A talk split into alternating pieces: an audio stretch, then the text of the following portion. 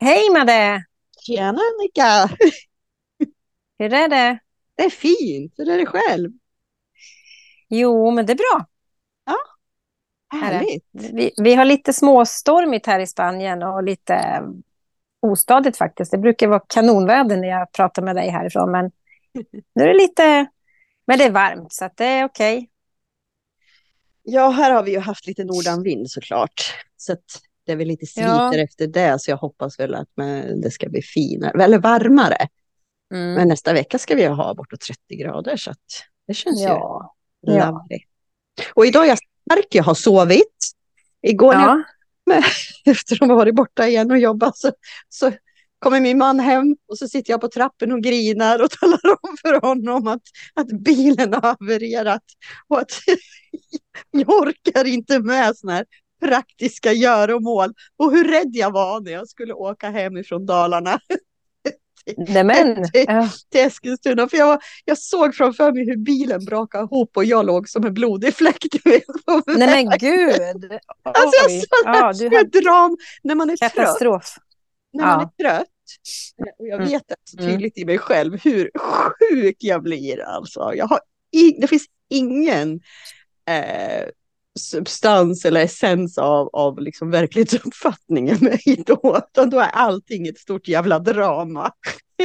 och då tittar han på mig och säger så här, lät det så här och var det så här? Jag bara, ja, och den där jävla bilbesiktningen, ja, jag var ju där förra veckan och då borde de väl ha sett det. Han bara, nej, nej det funkar inte så nu för tiden. Jag tar en sväng med bilen så åkte han och så kommer han tillbaka. Det är ingen fara, det är bara ett hjullager, det är lugnt. Är du lite trött? ja! Det var jag igår. Men idag, idag känner jag mig Vilken lite tur. mera balanserad Sansad, balanserad. utan drama. Härligt att du är tillbaks. Så, ja. Ja, Har vi något jätteroligt att starta med förutom mitt jävla drama där? Ja, Jag men det är älskar för... Annika när du bara drar iväg in i någonting sådär så man bara kickar upp liksom. Så bara, nu vaknar jag till liv. Det här kan jag relatera till. Ja, men alltså, det är för... alltså, jag håller på att läsa en jättebra bok och det här Ja. säger så mycket om samtiden idag, alltså vårt liv många gånger. I, ja. Jag håller på att läsa eh, Emma Hambergs den här Je m'appelle Agneta. Love it. Eh, ja, ja, den är så galet roligt. Och Emma. Hamberg Men- är fantastisk på att skriva på ett sånt avväpnande sätt. Ja, verkligen. ja, ja. Eh, så ja, det finns så många Och nu nyanser. tänker jag ho- hoppa in i en text, för Ja. den, här så, om en, den här kvinnan det här handlar om. Eftersom du har läst boken så påminner jag dig här nu. Mm. Mm. Och då var det så här, för det var ju där vi satt och pratade om. Mm. Och då började vi skratta. Men i alla fall, hon är ju i Frankrike nu efter ett bra tag hemifrån och hit och dit och mycket skav och sånt. Men så nu befinner hon sig i Frankrike och eh, kan ju inget franska. Men däremot så kör de ju då eh, Google Translate och det blir ju lite tokigt ibland i översättning och så, men ganska roligt. Men hon har ju... Eh, hon sitter på ett café, eller en bar rättare sagt, och pratar med ägaren. Och då säger hon ju så här... Eh, Betty, jag har en fråga. Varför är fransmän så friska och lever så länge? Trots att de röker och dricker mer och tränar mindre än alla andra typ i hela världen. Det skriver hon till Fabian som han heter, eller Fabian som han heter då.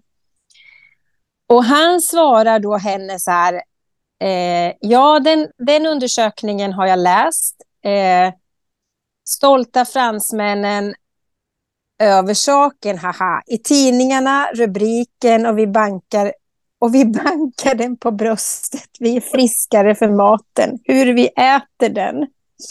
Hur ni äter sig maten, säger hon då. Liksom. här. Jag menar, hur många olika sätt kan man äta mat på? Eh, Du ska laga maten länge, äta maten länge, dricka vinet till maten, äta den inte ensam, som om den alltid vore måltidens sista. Amerikanare är tjockisen och äter bilen.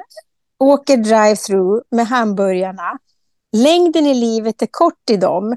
Hur äter ni maten, hur äter ni maten svenskar? Och då svarar hon, har du hört talas om kall gröt, glutenallergi? Att alla i familjen tränar på olika tider och äter ensam mellan dessa träningar. Och mamma Scan. Scans mamma, skriver han då tillbaka. Scans mamma. Och då skriver hon så här, Queen of the fast foods. I Sverige ska man helst både laga och äta maten snabbt. Vi renoverar kök för miljarder, köper kokböcker för miljoner, lagar maten på max en kvart och äter på minuten. Vi är väldigt, väldigt effektiva. Särskilt min man, säger hon och skriver inom parentes. Jag överdriver lite nu, men jag tror att du förstår vad jag menar. Ja, så fortsätter liksom alltså hela den här äh, historien liksom, eller diskussionen om livs, livslängden.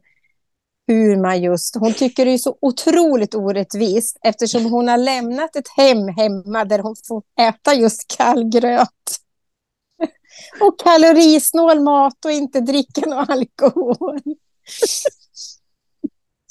Och Så ska hennes helst, man bestämt. ja, och så ska de ju helst cykla eller simma runt några jävla öar mitt i november. insmord i fårfett.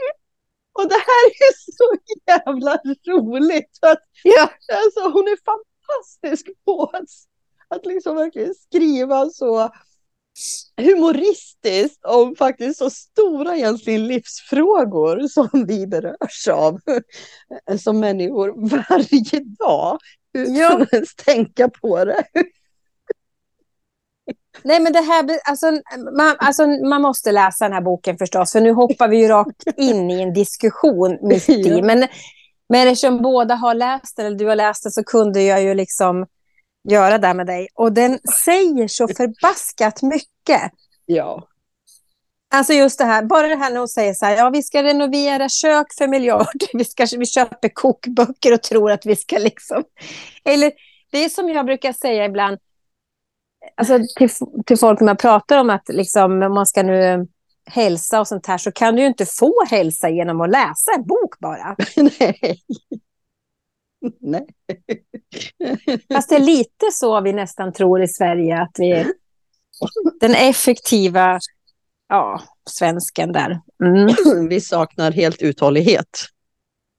ja, Allt ska vara skett i ögonblicket. Ja. Ja, nej, men den är så jäkla rolig. Och, och sen just att man märker i henne då att hon börjar ju se saker och känna saker i sig själv som hon inte alls har förstått. För alla har ju talat om hur tråkig hon är. Typ. Ja. Mm. Är småfet, lite ful, grå mus, eh, som ingen lyssnar på. Eh, Mm. Hon kan inte tycka att andra är speciellt intressanta eller roliga. Eh, för eh, i sitt inre liv är hon ju rik. Även om hon Ja, slår mycket ja. på sig själv. Ja. Agneta då, Mm. den här karaktären. Men Mm. Eh, Men hon besitter ju en enorm alltså, humor Mm. i, i, sitt, i Verkligen. sitt inre liv liksom, som hon inte delar med andra. För människor omkring henne förstår ju inte den här humorn. För att hon också Nej. har varit tystad sen Ja. hon var liten. För att ingen förstod den här humorn. Eller förstod henne. Liksom. Nej, förstod henne. För hon passar väl inte riktigt in i den normen hon befann sig i. Nej. Och hur fel hon alltid har känt sig. Och Mm. att direkt gå till sig själv och slå på sig när Mm. ja, men det är klart att jag i, måste gömma mina kakpaket och vinflaskan bakom Ja. frysen i källaren. när min man nu tycker att vi ska äta kall gröt. Och, Ja. nej, Jag behöver ju gå ner några kilo. I... Ja, hur hon då, eh, vilket många människor gör, vilket vi alla kan göra ibland omedvetet, liksom anpassa oss till förväntade normer på något sätt och hur det egentligen skaver i oss och vi slår på oss själva och tycker att men jag borde ju kunna eller vara eller tycka så som normen säger. Liksom. Ja, men så slår det mig också så här att faktum är ju att alltså den här när boken beskriver de andra karaktärerna i Frankrike där hon möter sen och där hon börjar förstå, eller det kommer hon ju göra, det förstår jag med, men där man ser hur de möter henne med en glädje och en nyfikenhet och ser henne på ett helt annat sätt än vad någon har gjort eller hon själv har gjort i Sverige. Mm, alltså då förstår man ju att hon har ju befunnit sig på fel plats. Ja, eller med fel, hon... i fel sammanhang. För ja, henne fel ja, sammanhang. För henne, ja, men för henne fel sammanhang. Mm. Och när hon fly, flyttar sig då liksom till den här andra världen, alltså gud vad det händer saker. Ja. och, och det är så himla på något sätt tydligt eller jag upplever i alla fall när jag läser den, plus som jag sa lite till dig innan här, att jag blir så mer och mer påtagligt påmind och får syn på och hör och ser människor omkring mig som just lever fullt ut ifrån sig själva. De styrs verkligen av något inre schema som de tror är viktigt att förhålla sig till. Ja, och jag vet inte hur många gånger vi kan med ord uttrycka det här, därför att det kommer bara att landa in i, mottag i dig som mottagare på det mm. sättet du befinner dig i ditt liv och har kapacitet eller tillgång till att ta emot mm. och också förstå. Så det, vi, det vi pratar om och det vi säger, det tar du emot utifrån där du befinner dig. Eh, och det är precis så som det ska vara. Och jag vill vara väldigt tydlig och jag försöker nog ofta vara väldigt tydlig och det tycker Annika du också är det, att, att vi, vi ofta säger det att det, det finns inget fel. Och det är för att vi människor är fantastiskt dåliga, precis som Agneta. Alltså vi är dåliga, vi är fel, vi slår på oss själva och sen har vi dåligt samvete och så lägger vi skuld på oss själva. Men vad då borde jag förstå det här? Eller vad då borde jag känna så där? Eller och då borde jag eller borde jag det. kunna det här? Ja, eller borde jag, borde jag, borde jag fatta vad det här handlar om? Mm. Alltså förstår du? Mm. Alltså, sådär. Mm. Så vi brukar säga så här, nej, nej, nej, nej, nej, du hör på det sätt som det är meningen för dig. Att du ska mm. kunna ta emot det här. Och det är bra så. Ja, och sen är det väl alltså, alltså, vi resonerar ju, du och jag nu, vilket jag också känner att vi, det är ju liksom våran podd, tänker jag. Att vi, vi resonerar ju utifrån liksom våran plats eh, hur vår utveckling ser ut. Och när vi upptäcker saker och eh, situationer och stunder eller människor på ett annat sätt. Eller vi blir påminda igen, kanske själva. Och det är det som vi tycker är så intressant. Så, alltså som nu, nu alltså vi kan ju skratta då över en bok som vi har läst, liksom, eller båda två, och hur vi ser på det och känner. Och för oss säger det så här som vi berättar. Mm. Mm. Eh, för andra så kommer det inte göra det och det faller sig inte liksom naturligt för dem att tycka att jaha, okej. Okay. Men, men alltså det, är, det är lite om, men det som är roligt att se ändå för att den, för jag tror ju många gånger att olika böcker förstås, men författare fångar ju just upp sådana här saker, eh, verkliga händelser, som de beskriver på ett väldigt humoristiskt och fint och speciellt sätt i sina böcker. Men det är det som gör att läsaren också beroende på... Det är ungefär som konst. Alltså du betraktar konsten utifrån dig själv. Och du, du gör din egen tolkning av det. Och det är mm. så det ska vara. Ja. Jag gör min tolkning, du gör din tolkning och, så, och, och allting. Alltså jag älskar att läsa böcker på grund av det. För att jag kan verkligen fångas upp av historien på så otroligt olika sätt. Men ja. som berör mig och påminner mig om livet och påminner mig om mig själv. För jag har ju liksom kanske aldrig egentligen varit en grå mus, jag har aldrig känt mig så. Men jag har ju haft situationer i mitt liv och sammanhang som jag har känt mig obekväm i. Eh, och varit rädd i eller osäker och såna här saker. Eh, så att man, och det är lite kul att bli påmind. Och jag tänker också ibland att det kanske är att man inte känner sig ensam på något sätt. Jag har nog känt så många gånger när jag läser en bok och så kan man tycka vad man vill om det. För man kan, någon praktisk människa skulle säga, men herregud, det är bara en bok. Ja, fast jag lever mig in i boken som om det vore människor som jag befinner mig ibland. Och det gör att jag upplever en känsla av. Och den gör, ger mig så himla mycket. Men, eh, det, så, så där kan jag också uppleva det. Och jag vet, jag brukar prata ibland med människor och andra människor och så där som läser. Och, och, så, och så eller har man läst en serie liksom.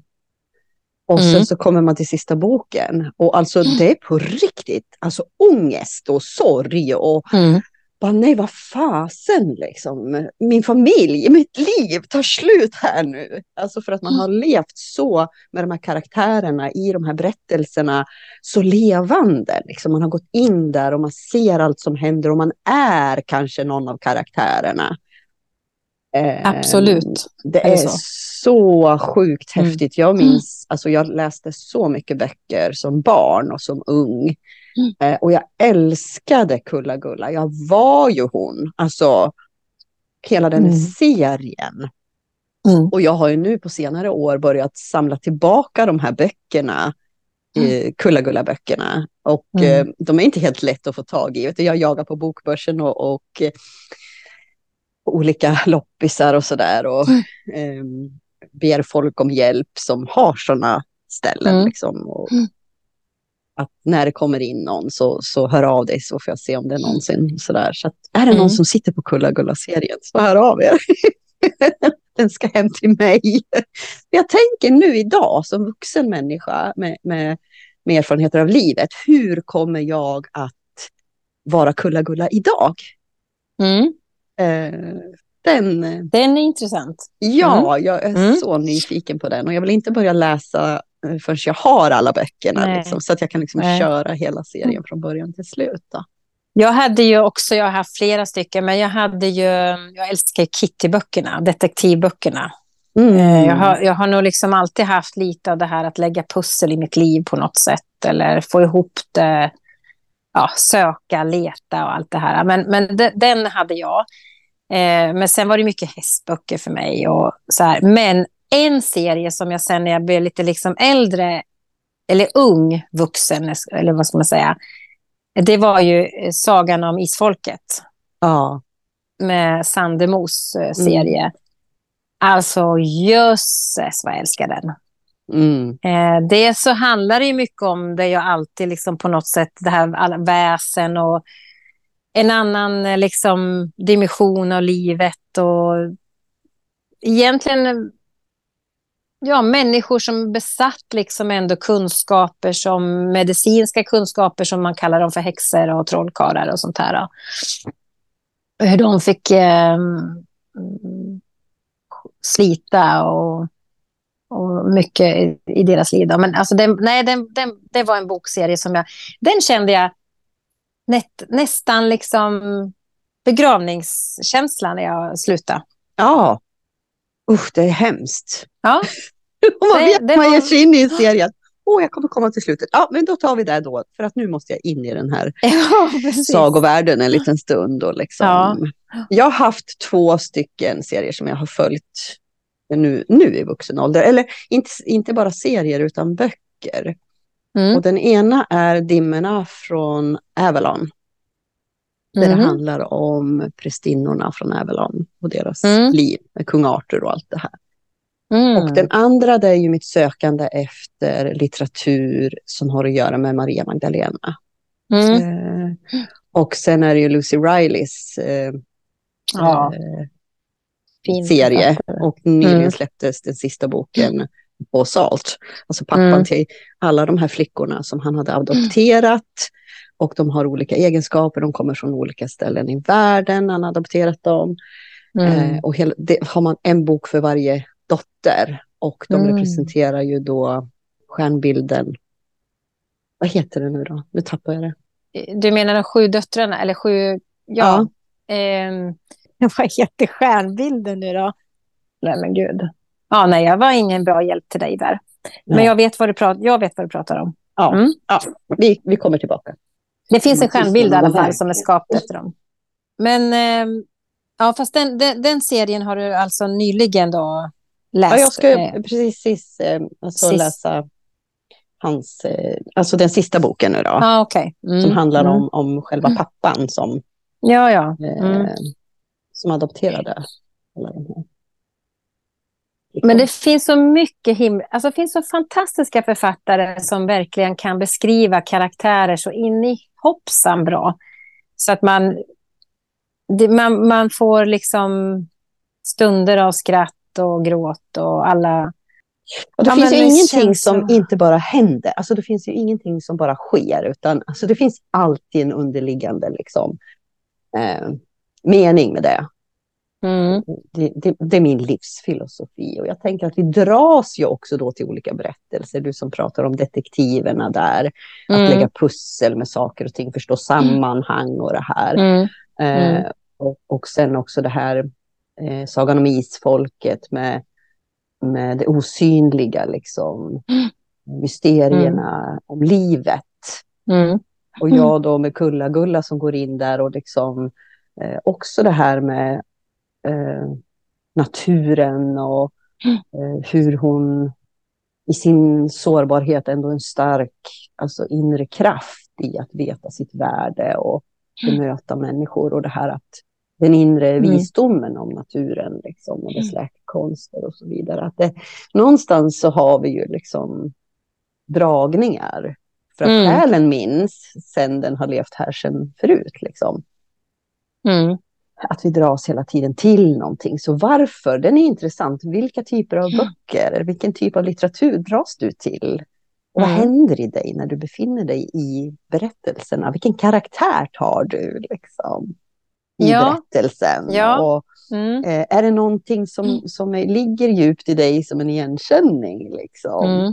på något sätt? Och, ja, för jag tänker nu när du berättar om henne där, som uh, Chema Agneta som, Mm. alltså Agneta som reser till Frankrike och gör revolt och sådär mot livet. Och om jag kliver in och blir hen, hon, alltså om jag blir Mm. Agneta, liksom, vad i mig eh, triggas? Liksom? Är det att jag går igång och blir arg på min man som är en torrboll? Ja, Eller det kan man väl Går jag in i en mannen sorg när jag är bland mina kollegor och liksom känner mig utanför där? Eller går jag Ja. in i rädslan när jag tappar bort telefonen och inte står i kontakt med någon och kommer till ett land med främmande språk och inte förstår någonting? Alltså vad händer i mig? Ja. Alltså för det säger någonting om mig själv. Mm. Jag kan säga, vi pratade lite du och jag om det här när du skulle gå och hämta kaffe. Ja. Eh, och, sen, och då när jag satt för mig själv och, och då, då hamnade jag i liksom en liten stunds eh, känslotillstånd som jag fångade upp. Jag blir ju berörd. Alltså jag blir liksom, för jag blir lite så här så jag får tårar i ögonen. Och det första jag kan liksom tolka, eller det första jag kan göra om jag vill, det är att tolka det som att oj, blir jag sorgsen, ledsen. Men jag är inte så säker på det, utan det som jag tror mig hända är, är att jag egentligen blir berörd över att hon tar chansen trots allt och åker ifrån sitt fruktansvärt tråkiga liv. Jag menar, den enda kommunikationen hon hade hemma var en man som, som, som sa tydligt vad han tyckte och tänkte och trodde att hon var med på köpet. Och barn som pratade med, via henne, med henne via Swish. Det var det liksom enda hon hade. Och satt hon på jobbet så var det aldrig någon som frågade henne om någonting. Utan hon utförde sina liksom dagliga uppgifter och sen var det där, ja, sen gick hon hem typ. Och jag tänker att det är lite för min del kanske att den stärker mig i min... Vi, har pratat om det, för, jag vet inte om vi pratade om det förra podden eller om vi har pratat om det, vi pratar så mycket du och jag, om det här med att göra sin röst hörd. Mm. Som jag ändå har haft legat som eh, en, en, en barriär och inte liksom vågat fullt ut. Och det som då slår mig nu när jag säger de här orden, det är att folk som känner mig skulle kanske kunna säga, va? Har du inte, du pratar väl jämt och mycket? Ja, fast det är inte samma sak som att våga fullt ut och ha full tillit till sig själv och känna att jag är värd att få uttrycka mig på mitt sätt. Det är inte samma sak som att prata mycket och kanske se ut som att man vågar. Eh, så den, den inre, eh, djupare resan eller som jag håller på med gällande den delen kanske skulle kunna vara en liten liksom, del av det du pratar om, meningen. Liksom att jag får, fångar upp den här boken, jag får den i min hand, läser den, den påminner lite grann. Den, den ger mig också en chans till att se att man kan verkligen ändra hela sitt liv och våga ta ett steg åt något håll och sen förändras det till så fruktansvärt positiva, eh, fruktansvärt ska man inte säga då, men så himla bra saker eh, som det gör för en Agneta. Ja, den är, den är otroligt intressant, därför att jag går tillbaka lite grann till det här uttrycket vi hade tidigare, men när vi pratade om att hennes liv eh, hade hon tagit rollen som den här gråmusen. Och det är mm. inte negativt laddat, utan det är bara en plats som människor mm. tar mm. när man inte anser sig värd att lyssnas på eller mm. anser mm. sig värd att mm. synas.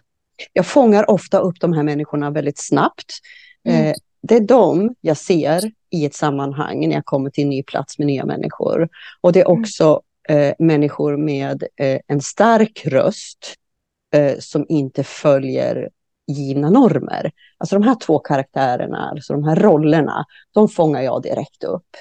Och förmodligen mm. för att de ligger så otroligt nära mig och jag kan eh, känna igen mig så otroligt tydligt i de här två olika karaktärerna, liksom rollerna. Eh, det är därför jag så snabbt fångar upp dem. Mm. För I mm. de här människorna som är tysta, som ställer sig längst bak i ett hörn, som gärna viker under med blicken, som inte vill bli synlig, alltså försöker göra sig så osynlig. Klädvalet, färgvalet på kläder, mm. alltså allt, mm. verkligen. Och jag som sällan eller aldrig ser fysiska människor, jo det är klart att jag gör, men det är inte det första jag fångar när jag ser eller möter människan, utan det är liksom, vem är du bakom innanför, själen mm. på något sätt. Mm.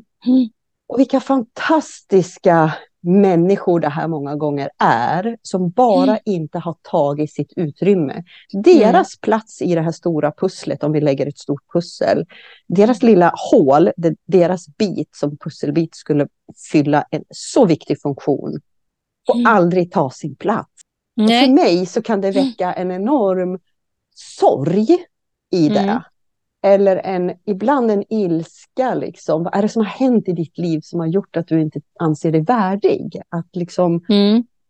ligga där bland alla andra bitar och fylla din plats. Liksom, mm. Som är så unik eh, och mm. så vacker. Ja, men jag kan också känna den där ilskan ibland. Och jag känner så att och när jag sätter mig och pratar med, med människor, och vi, det kan ju vara nära och kära, det kan vara um, bekanta, det kan vara vänner, det kan vara liksom yttre periferin, det kan vara, alltså, det spelar ingen roll när. Men, men när jag också känner av den här eh, känslan av att personen inte mm, tar tillvara på sitt eller alltså, vågar inte fullt ut eller har inte sett och förstått att de just är värdiga att få um, leva sitt liv. Mm. Eh, utan man, som jag sa, att man lever någon annans liv eller man liksom tror att så här ska det vara. Eh, du, du ska vara liksom på ditt jobb och du ska vara behjälplig med familjen, du ska vara du ska umgås, du ska fika, du ska, alltså allt vad vi nu gör i vårt liv hela tiden. Alltså, och det är självklart att vi gör så och det ska ju få finnas, det är inte det jag säger. Men man känner, som du sa, att det är ändå en person som har en längtan till någonting annat, men som inte ger sig själv chansen till att få uttrycka eller utföra det. För att du lever i en illusion om hur det ska vara. Och då har jag ju bara lust att ställa mig upp och hallå, liksom. Men det kan man ju inte heller göra förstås, eftersom alla människor behöver ju liksom få komma dit, ja, till sitt egna beslut. Som den här Ja. Agneta gjorde till slut. Mm. Alltså hon jag- tog ju chansen och åkte iväg. Ja. Och nu, nu, det är nu hon... Och det, och det, det är också så här att man, det jag menar med att man tar ett steg åt något håll för att se vad som händer. För är det åt rätt håll, då märker du det. Du kommer märka det snabbt, för då kommer universum hjälpa dig på traven. Och vad var det som väckte henne? Vad var det som gjorde att hon plötsligt hörde sin inre röst Ja. eh, att förändra sitt liv? Vad hände Mm. i henne? Det var ju, eh, och vi kommer inte avslöja det, utan läs Nej, gärna boken. De får läsa boken. Eh, Mm. och liksom, vad var det som kickade henne till Mm. att kliva ur det här invanda, tråkiga, men ändå för Mm. henne trygga livet och Mm. bara kasta sig handlöst ut i det okända? Mm. Därför det är så i allas våra liv att ibland följer vi bara alltså våran inre röst på något sätt och gör någonting helt oväntat Mm. eh, som skapar en enorm förändring i våra Mm. liv eller en Mm. mindre förändring i våra liv. För då är det ett steg ytterligare mot eh, någonting annat. Liksom. Mm. Ehm, Ja. och, och vara lite uppmärksam i livet på, på dig själv. Att vad är det som, om du går till minnes och drar dig till minnes liksom, i livet, hur hamnade jag här? Liksom? Var, varför befinner jag mig just här och just nu i mitt liv? Vad har lett mig hit just här och nu? Vilka beslut har jag tidigare fattat? Och hur har jag fattat dem? Vad är det som har öppnat dörren för det här?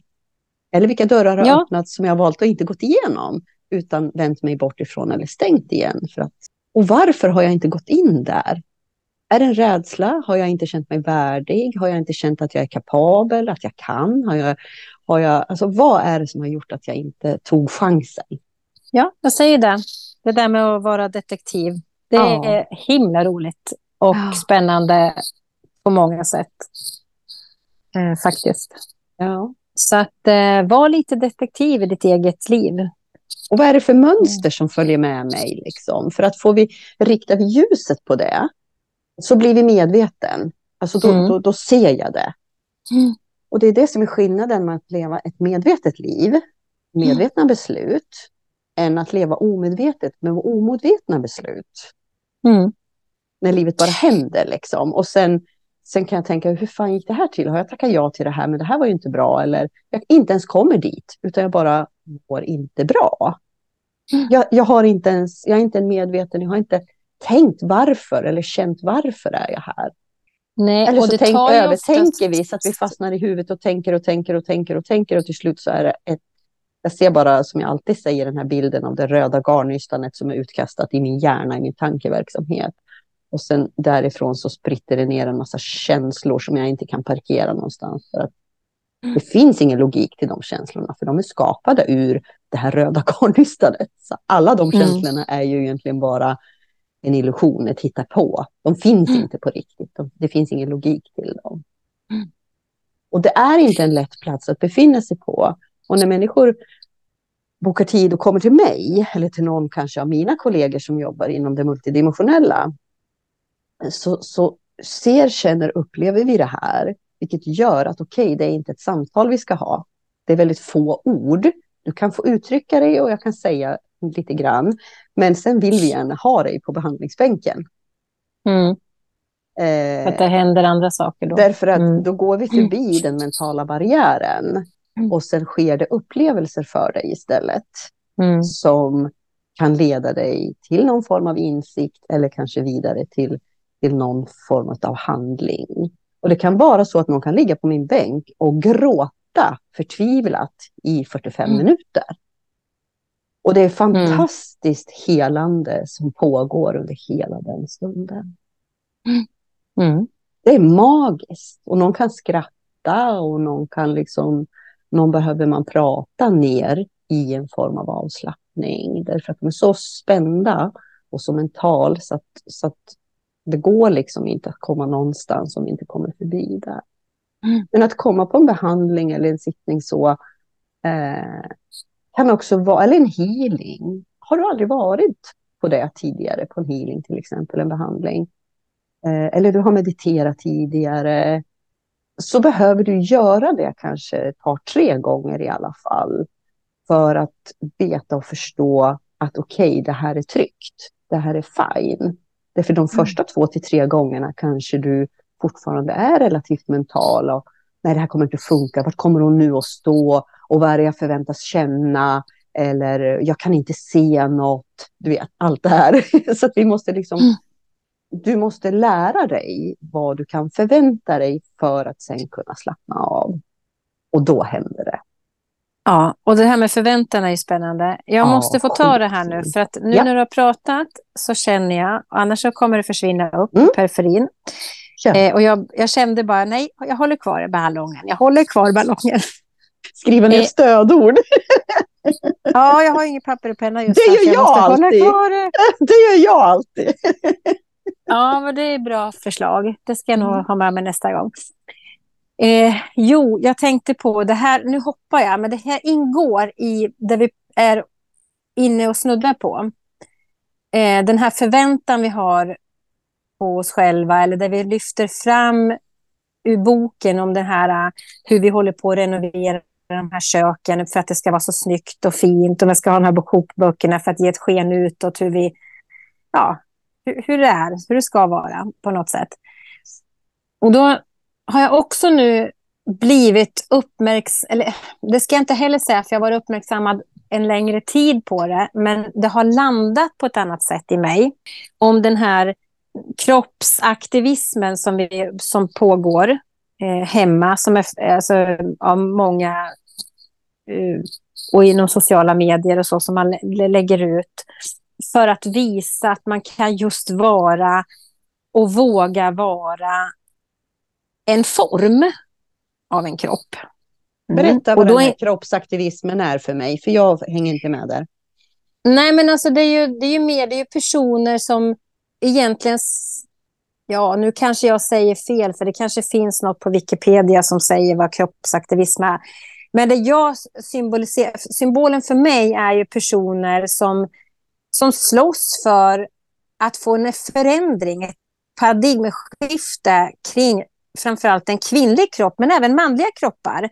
Eh, hur man ska se ut. Det här, ah, normen. Ut. Normen. normen alltså, ja, vi är ah. inne på det. Liksom. Vi pratar ja. om normer mm. och så här. Och då har jag blivit ganska uppmärksammad på sista tiden på ett annat sätt. Och vad som jag faktiskt, vad som har hänt som är ganska fantastiskt för mig själv personligen, det är att jag har ju haft kroppsdelar som jag absolut inte tycker om mina ben, eh, mina knän. Om du, jag ska inte dra hela den historien, men den, den har funnits med mig så extremt länge i mitt liv. Mina händer. Jag har ju definitivt inga så här, liksom, pianofingrar, så jag har liksom bondhänder. Stora, lite tjocka fingrar och så här. Men idag så bryr jag mig inte om mina händer på det sättet. Men sen har jag haft kvar det här med mina knän och att jag... För jag har ju varit liksom tjock och smal och tjock och smal. För jag har ju liksom haft ett beteende kring ätandet och, hur, och det här som har varit osunt ibland. Och jag har sprungit ihjäl mig, höll jag på att säga. Men jag har sprungit faktiskt så mycket i mitt liv så jag har fått spontanfraktur. Jag har kräkts, jag har all, gjort allt det här. Eh, och sen har jag gått upp i vikt och sen har jag gått ner i vikt och håller på så här i mitt liv. Vad jag vill komma med det, det är att idag har jag ändå tack vare av några av våra stora förebilder i Sverige, bland annat Stina Wolter som jag följer, som är så, så, så fantastisk. Att hela tiden visa upp just den hon är. Och det är det som har fallit hos mig också nu. Att det handlar inte om om du är tjock, om du är smal eller vad du är. Det spelar ingen roll åt vilket håll. Du är en kropp och kroppen har former. Oavsett. Och du är inte mer värd eller mindre värd åt något håll.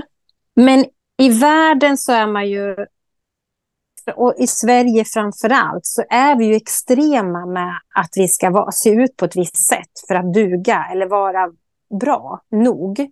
Och hon har ju faktiskt eh, hjälpt mig med påminnelsen om att jag är ju inte bara min kropp.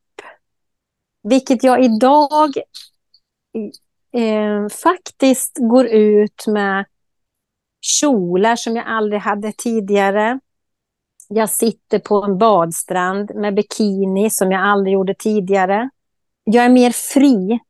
Likadant det här med eh, när jag läste den här boken om fransmän som dricker vin och röker. Nu röker jag, jag tycker inte det är gott och jag tycker inte att det är fräscht. Jag tycker inte om det. Men det spelar ingen roll. Om du nu gör det, så rök för bövelen. Mm. Drick vin. Mm. Alltså det är det här som jag känner. Det här är ju att vara och befinna sig i och vara värdig oavsett och inte hela tiden leta efter att så får det inte vara, så bör man inte göra. Det är farligt att röka, det är farligt att dricka vin. Man ska, och, och likadant det här med i våran värld av att man ska eh, hitta sig själv, man ska vara andlig, spirituell. Betyder det att du aldrig får dricka ett glas whisky om du vill? Alltså förstår du? Ska du betyder det att du måste be en bön varje morgon? Nej, för mig gör det ju inte det. För mig är äktheten någonstans där inne. Din kontakt med själen och andligheten. Det är ju kärlek, den totala kärleken och friheten i att få vara bara den man är. Mm. Utan att lägga skam, skuld eller sitta i en soffa som jag gör nu och känna att magen är lite uppjäst utan att behöva dra in den för att någon annan kanske ser den. Sitt som du är, var den du är. Jag menar, jag har... Alltså, jag måste få säga det här, för det här är så fantastiskt underbart skönt. Jag har en väldigt sladdrig kropp för att jag har just varit upp och ner i vikt. Och sen har jag eh, lite konstiga fettdepåer och det bryr vi sig inte så mycket om varför jag har just på vissa ställen. Eh, men då har jag tänkt så här att istället för att liksom slå på mig själv så jag tänkte jag är faktiskt jävligt mjuk och skön i alla fall. Jag är väldigt mjuk och god. Fluffig kallar vi det för. Fluffig. På mina ja. barn. Fluffig. ja. Nej men alltså förstår du att det är liksom någonstans här det vi pratar om. Det är faktiskt otroligt viktigt att vi försöker komma hem i oss själva någonstans. För det är då vi kan göra underverk. Både med oss själva och världen egentligen. Vi kommer aldrig, om vi fortsätter på den här vägen som vi är inspårade på just nu, kommer vi inte kunna... Nej, det kommer i alla fall inte sluta så jäkla bra, tror jag.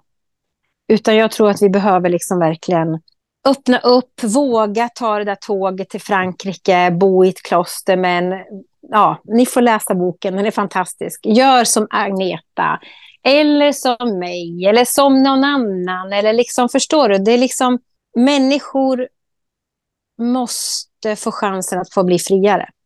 Absolut. Och jag menar, jag tycker både du och jag är ganska nakna liksom, i vilka vi är och var vi kommer ifrån. Och och det handlar ju om att inspirera andra människor.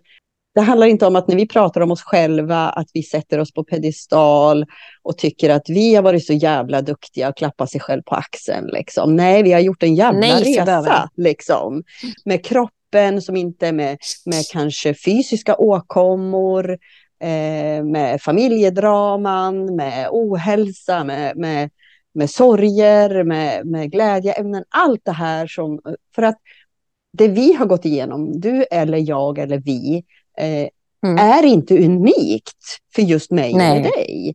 Utan jag vet att det finns så många människor som har gått igenom i stort sett exakt samma saker och samma upplevelser som vi har gjort. Eh, mm. Och all cred till dig, säger jag, eh, som har levt ett liv inte bara gått igenom samma saker som oss.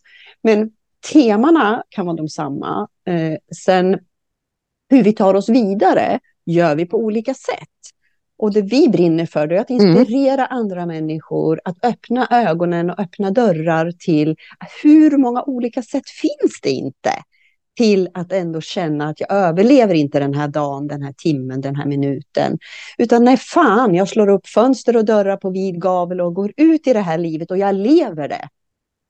För det är mitt Mm. liv. Jag omfamnar det. Trots allt eh, hur kroppen ser ut eller hur ont jag har någonstans eller hur känslomässigt tufft jag hade det igår när jag satt på trappen och, och tjöt över jävla bil liksom.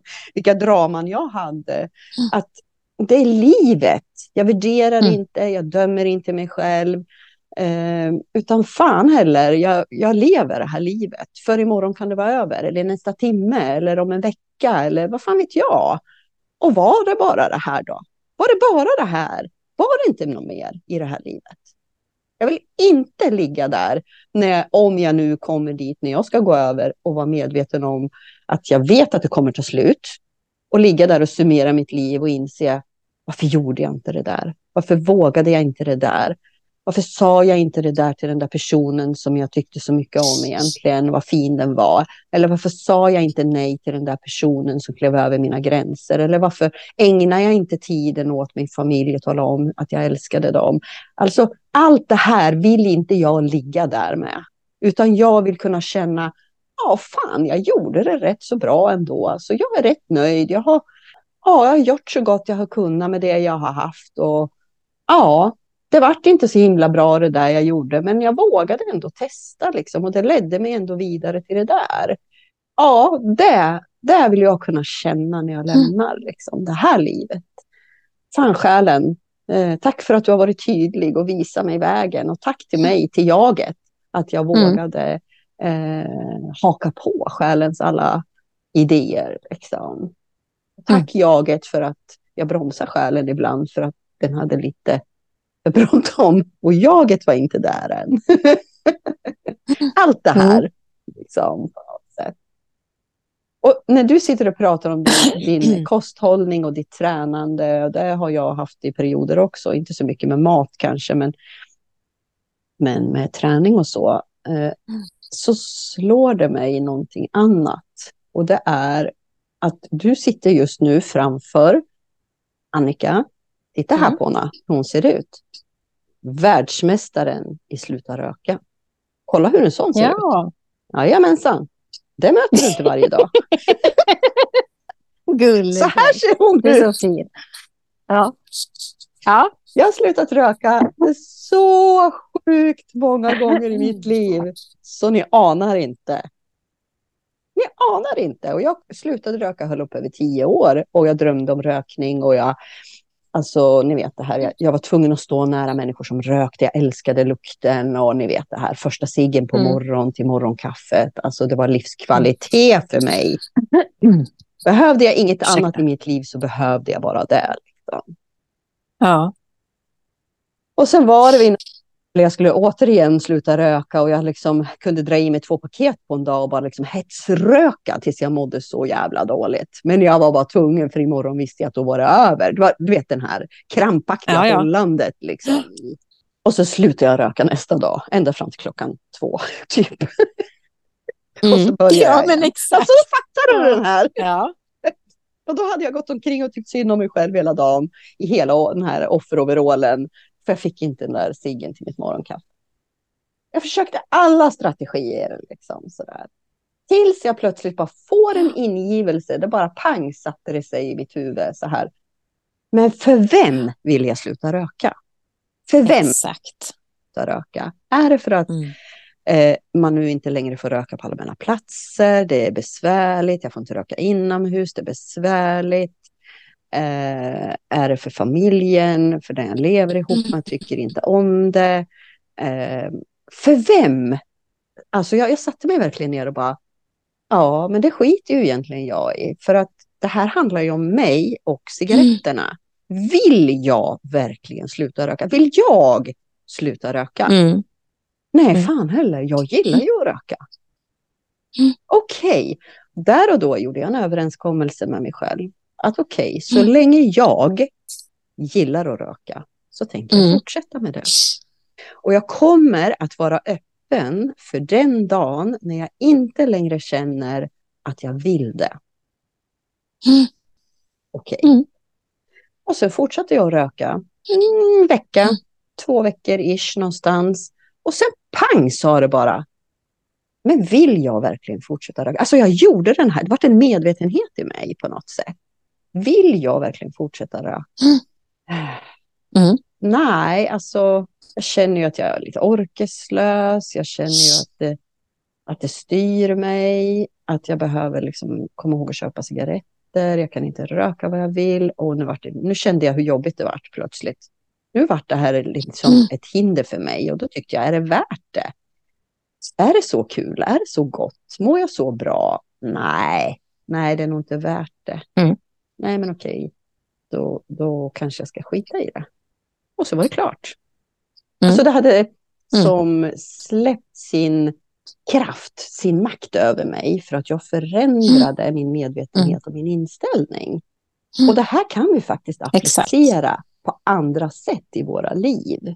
Om vi medvetandegör det. Ja, För oh, ja. vem? Hela För tiden. vem vill jag inte gå ut i bikini? Vem säger att jag inte? Varför måste jag köpa kläder som skyler mig från topp till tå? För att jag inte vill visa min kropp. Liksom. För vem? Är det för min egen del? Eller är det för någon annan? Är det så bekvämt? Hittar man så snygga kläder? Alltså som jag känner mig bekväm i? Nej. Nej, men då kanske jag ska skita i det då. Kanske jag ska gå ut bara som jag vill. Ja, men det är ju det som jag menar med friheten. Det är Ja. där jag lägger min liksom enkelheten eller friheten. Och jag själv, jag har också rökt. Eh, nu är det ju, jag rökte inte lika mycket som det, för någonstans har jag haft en sån här, det har inte varit min stora grej. Däremot så, för jag kan berätta att jag slutade röka. Det gick, när jag bestämde mig för det så slutade jag på en gång. Jag började, tog över med snus istället. Och så sa folk till mig, men det kommer aldrig kunna sluta med. Jo, det gjorde jag sen. Men vad jag har haft svårt för, istället vad min liksom, del har varit jättekämpigt med, det är ju eh, småätandet. Godisen. Inte, inte godis i godis, små godisar, men gott överhuvudtaget. Fikabröd. Eh, för mycket av någonting hela tiden, så här som jag älskar. Mm. Eh, och jag har ju liksom ändå varit normal kanske. Alltså idag så inser jag att jag har varit normal. Eh, aldrig tjock när jag var yngre, men jag har ju trott det. Alltså Mm. jag har ju tyckt det. Jag har haft det ända sedan jag var ung, jätteung. Något, någon slags hat emot min kropp. Eh, och det är ju helt galet. Och vad som händer för mig, det är ju någonstans att, alltså ska jag leva resterande av mitt liv och fortsätta min kamp och lägga den kraften, energin på någonting som bara sårar mig och förhindrar mig att få leva fullt ut. Ja, precis. Det gjorde att jag kände att nej, nu måste jag sätta stopp till mig själv. För det handlar bara om mig själv. Mm. Att nu behöver jag ta input och läsa och känna och lyssna på andra kloka människor. Vilket då gjorde att jag började föl- följa också Stina Wollter för några år sedan. Eh, för jag tycker hon är en fantastisk människa och konstnär överhuvudtaget. Eh, utifrån där man känner henne från sociala medier förstås. Mm. Men det gjorde ändå att jag hela tiden påminde mig också om själv om att jag kan styra mitt egna liv. Jag kan regissera mitt egna liv, jag kan styra det, även om det är en kamp hela tiden. Det är inte något som kommer av sig självt och som du sa om din rökning, hur du höll på där. Det är inte lätt. Det är inte det. Men det går att göra det och där kan ju min liksom kraft ligga idag att man önskar kunna inspirera andra att ta ett litet steg, våga och se vad som händer. Börja känna efter, ta medvetna beslut. Och det är oavsett om det är åt det ena hållet eller det andra. Jag menar, det kanske är så här att många tänker så här, ska jag, jag måste banta. Varför måste man det överhuvudtaget? Vem säger och varför? Jag måste sluta dricka vin, för det är inte bra. Jag måste, som du sa, resonera med mig själv. Jag måste sluta röka. Det är inte bra. Nej, det vet vi ju kanske att det inte är. Men varför? Bestäm dig för ditt medvetna val själv som gör att du känner dig fri någonstans. Att du känner dig värdig och att du måste inte följa normen på något sätt överhuvudtaget. Eh, och där någonstans ligger det som en otroligt spännande resa. Men den är, den är inte lätt. Och jag menar, jag kämpar fortfarande med min syn på mig själv.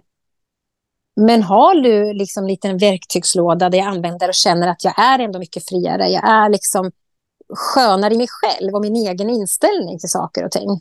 Och jag kan ju lyxa till mitt liv med, framförallt när man är i Spanien så kan man lyxa till sig med ett glas vin till lunchen. Jag tycker det är underbart, och njutningsfullt. Jag sitter där med min mat och, och ett glas vin och lyssnar och tittar och känner och mår bra. Och den summeringen är den viktigaste av allt. Inte vad jag har tagit in eller vad jag äter eller någonting, utan mår jag bra, känner ju hela jag och mitt system att jag mår bra. Fine, that's in, punkt, sätt punkt. Det behövs inte mer. Därför att vi styr ju, de, de, eh, alltså, nu pratar vi om det här fysiska livet, men, men styr vi också energimässigt, så frekvensmässigt. Eh, det är precis det jag plockar upp av dig nu när du pratar om att mår jag bra, då är jag väljer att göra det här och, och då är det bra. Därför att mm. i det osynliga så sker det så enormt mycket i oss. Så om jag har en inställning, äter en chokladkaka, eh, jag kan inte motstå.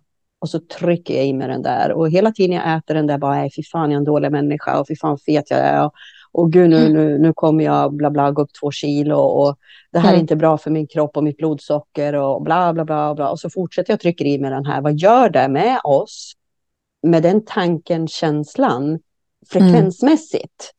Alltså en sån energi ligger ju liksom och vibrerar väldigt, väldigt långt ner. Det blir tungt, det blir jobbigt, det blir, mm. fattar ni? Där mm. vi saktar ner metabolismen, vi saktar ner allting i oss kommer gå sakta.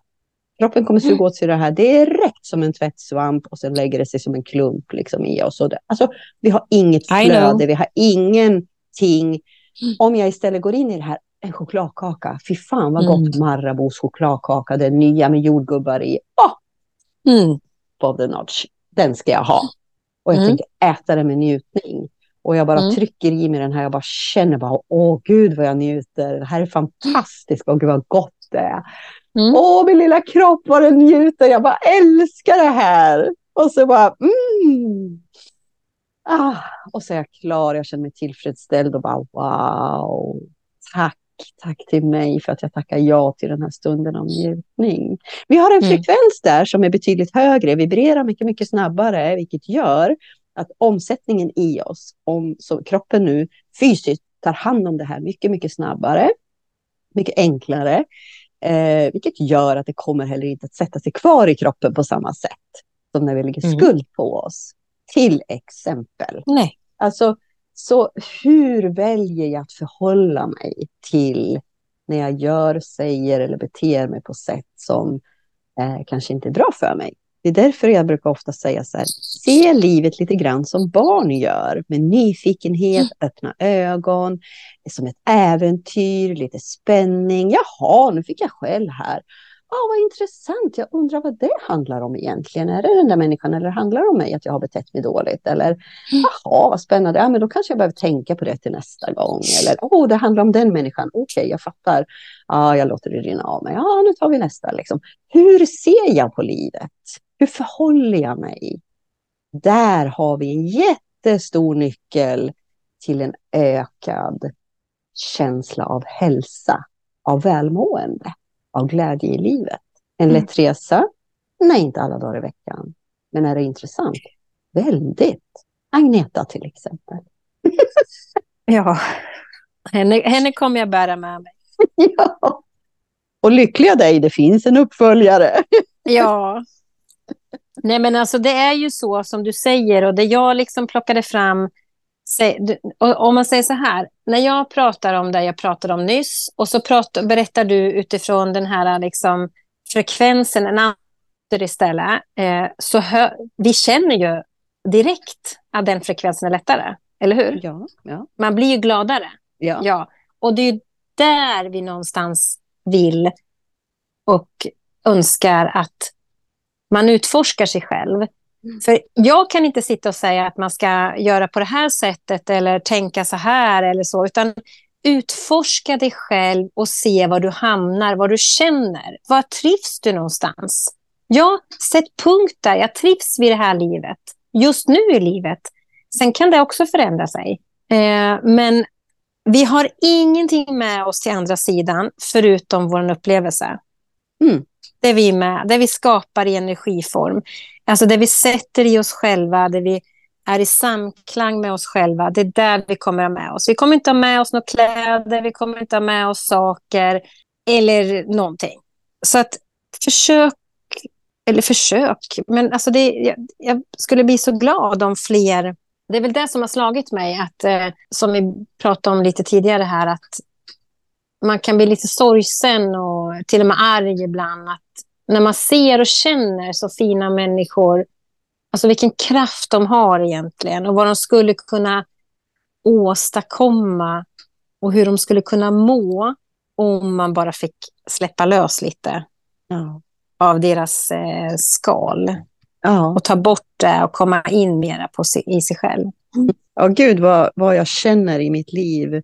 Hur jag verkligen går igång på och brinner för att låta varje människa få möta sig själv på det fantastiska sätt som jag kan se dem bortanför det fysiska skalet. Sin egen Mm. storhet, sin egen visdom, sin egen eh, förmåga, sin, sin, eh, sin att, vara kapabel, alltså att vara unik. Eh, Mm. Det är så, jag blir helt berörd av det alltså. Mm. så, Mm. så många gånger. Att, att få låta en människa möta sig själv och liksom bara man ser hur den här näckrosen bara lyfter ifrån den dyiga botten och bara simmar Mm. upp emot ytan, mot ljuset och bara som en vacker knopp och sen bara slår ut där i sin fulla prakt och bara fantastisk. Vi är alla vackra näckrosor. Ja, och det är väl där vi egentligen Avrundar en rad. ja, sammanfattar vårt samtal den här gången. För, Ja. för att det är så vi känner båda två. Att, eh, det är väl där någonstans vi är eh, och ser. Och jag får i alla fall tydligare och tydligare tecken och syn på det här.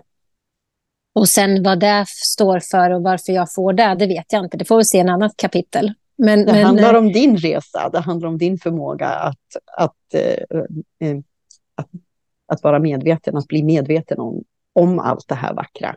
Därför att du Ja. kan bara se i dig själv eller i andra i din omgivning där du har kontakt med i dig själv.